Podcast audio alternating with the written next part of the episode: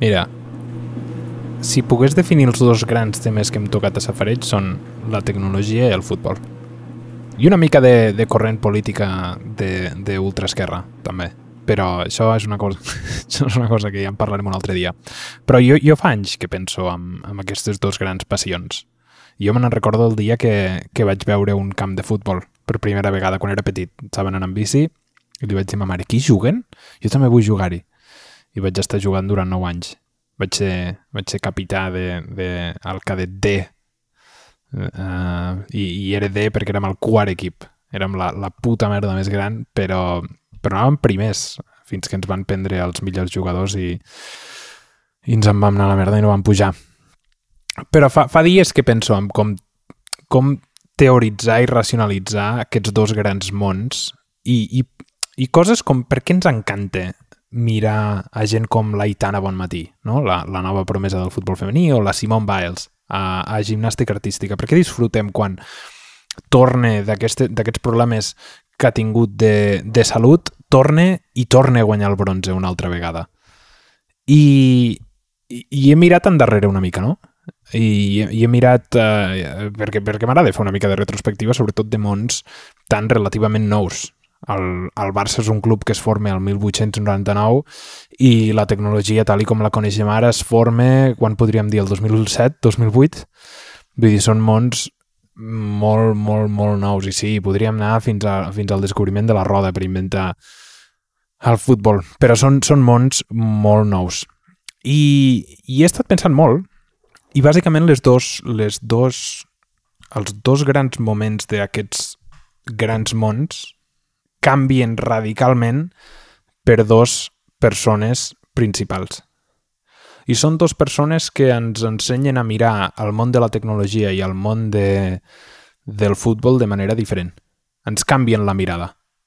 L'enteníem d'una manera i la passem a entendre de manera totalment diferent. Enteníem els ordinadors com una cosa totalment funcional i totalment eh, totalment utilitària fins que, fins que se'ns ven la Graphical User Interface i se'ns ven que un ordinador pot ser una cosa que nosaltres podem fer servir literalment cada dia per fer alguna cosa i per sentir-nos millor i per accelerar-nos d'una manera brutal i comprem aquesta idea. I això ens porta fins a un punt, però després literalment s'introdueix l'iPhone i perdem el cap amb això. I el mateix passa amb el futbol, no? 11 tios corrent darrere d'una pilota com a desesperats fins que ve un gran home i ens diu que el futbol no només és per guanyar-lo, sinó és per entretindre't. I llavors fot que el futbol sigui bonic perquè la gent vagi al camp per passar-s'ho bé i que surti del camp dient, hòstia, que guapo això que hem vist avui. I perquè la gent, hòstia, si veu coses boniques al final, hi tornarà. Llavors, aquestes dues persones eren dues persones que tenien moltes coses en comú.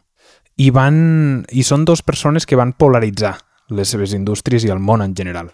I, I és curiós perquè els dos van tenir molts alts i molts baixos. I van ser odiats i van ser també idolatrats i van tenir molts èxits i van tenir moltes fra molts fracassos, però sobretot van saber racionalitzar i teoritzar dins de la seva indústria d'una manera que ningú abans havia sigut capaç de fer-ho.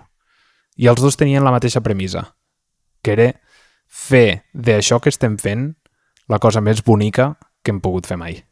I per això, avui que, que és un número una mica especial, no? 49, m'agradaria fer un homenatge a aquestes dues figures, que tot i que probablement no es van creuar mai, no van parlar mai, no, no van tenir pràcticament res en comú i, i tot i que estaven a indústries tan totalment diferents, van agafar allà on eren i ho van portar una cosa que no només ha mogut bilions i bilions d'euros i milions i milions de persones i milions i milions de sentiments, sinó que han fet d'aquestes dues coses dos grans passions, almenys per mi.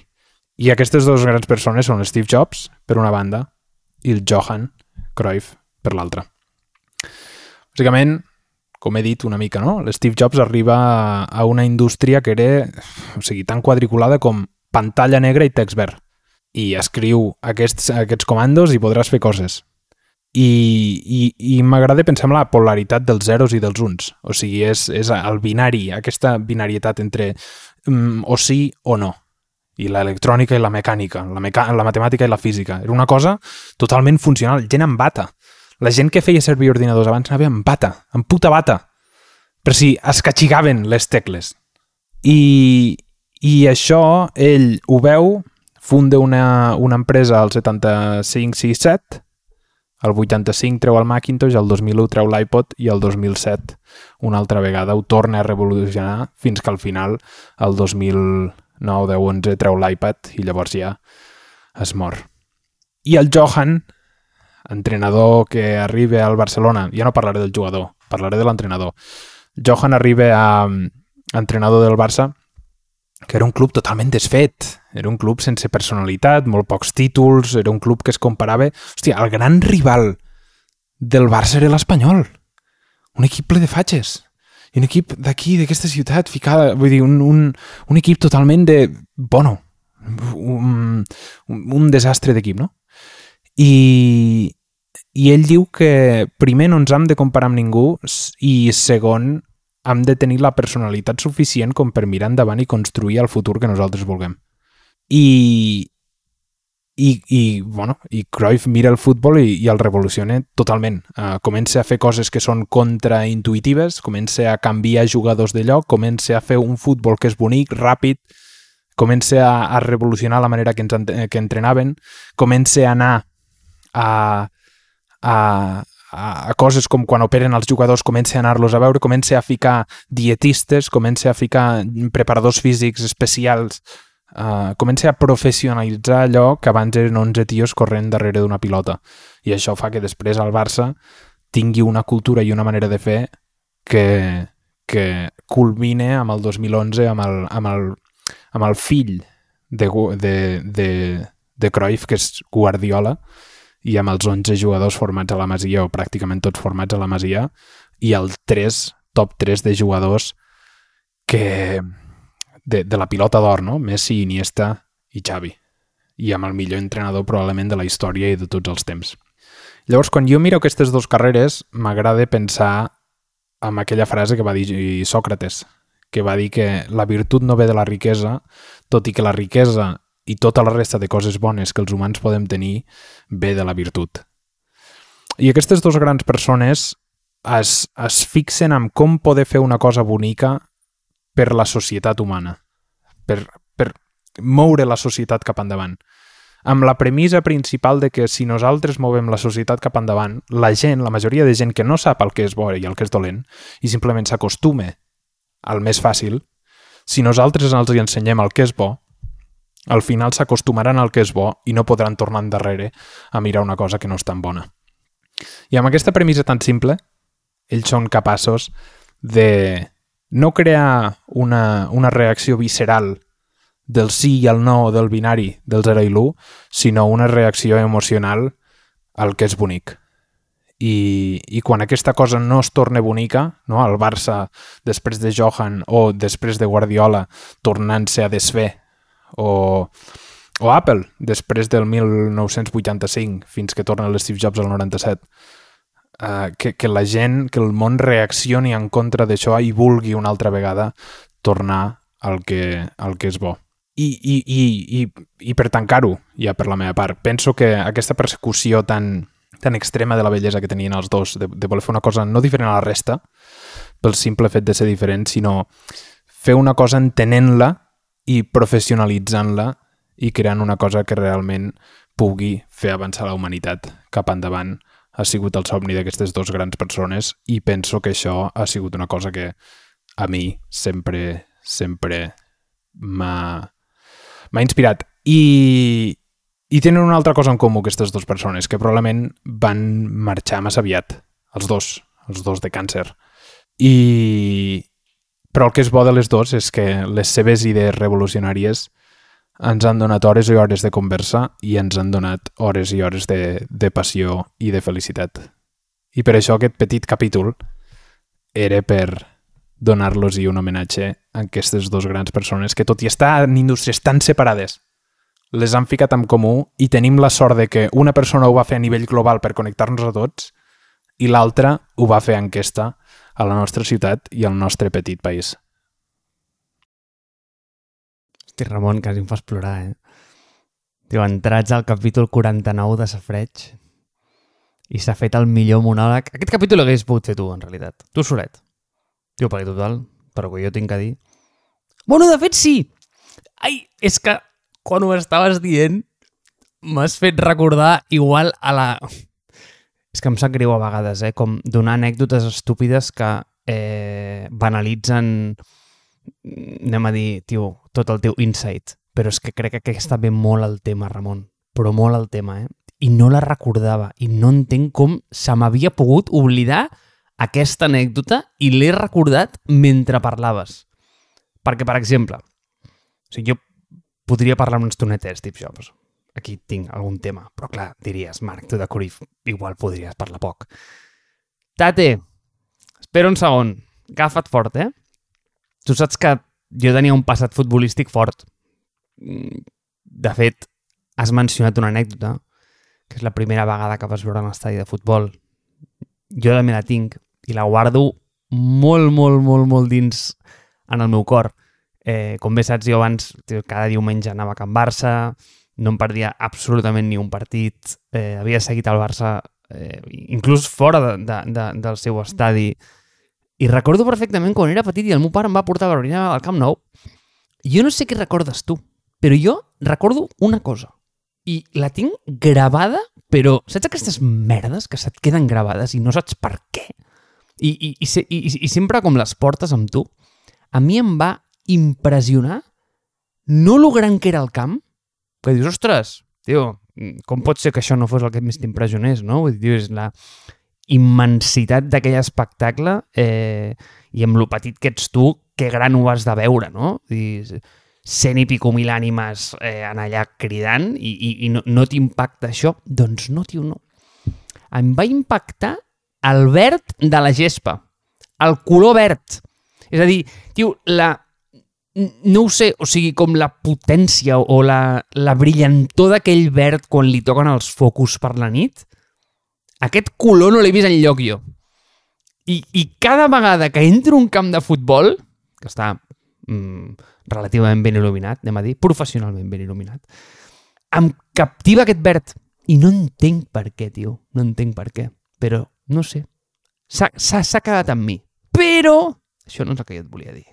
Aquesta no és l'anècdota que t'impressionarà i que ben recordat mentre parlaves, que també.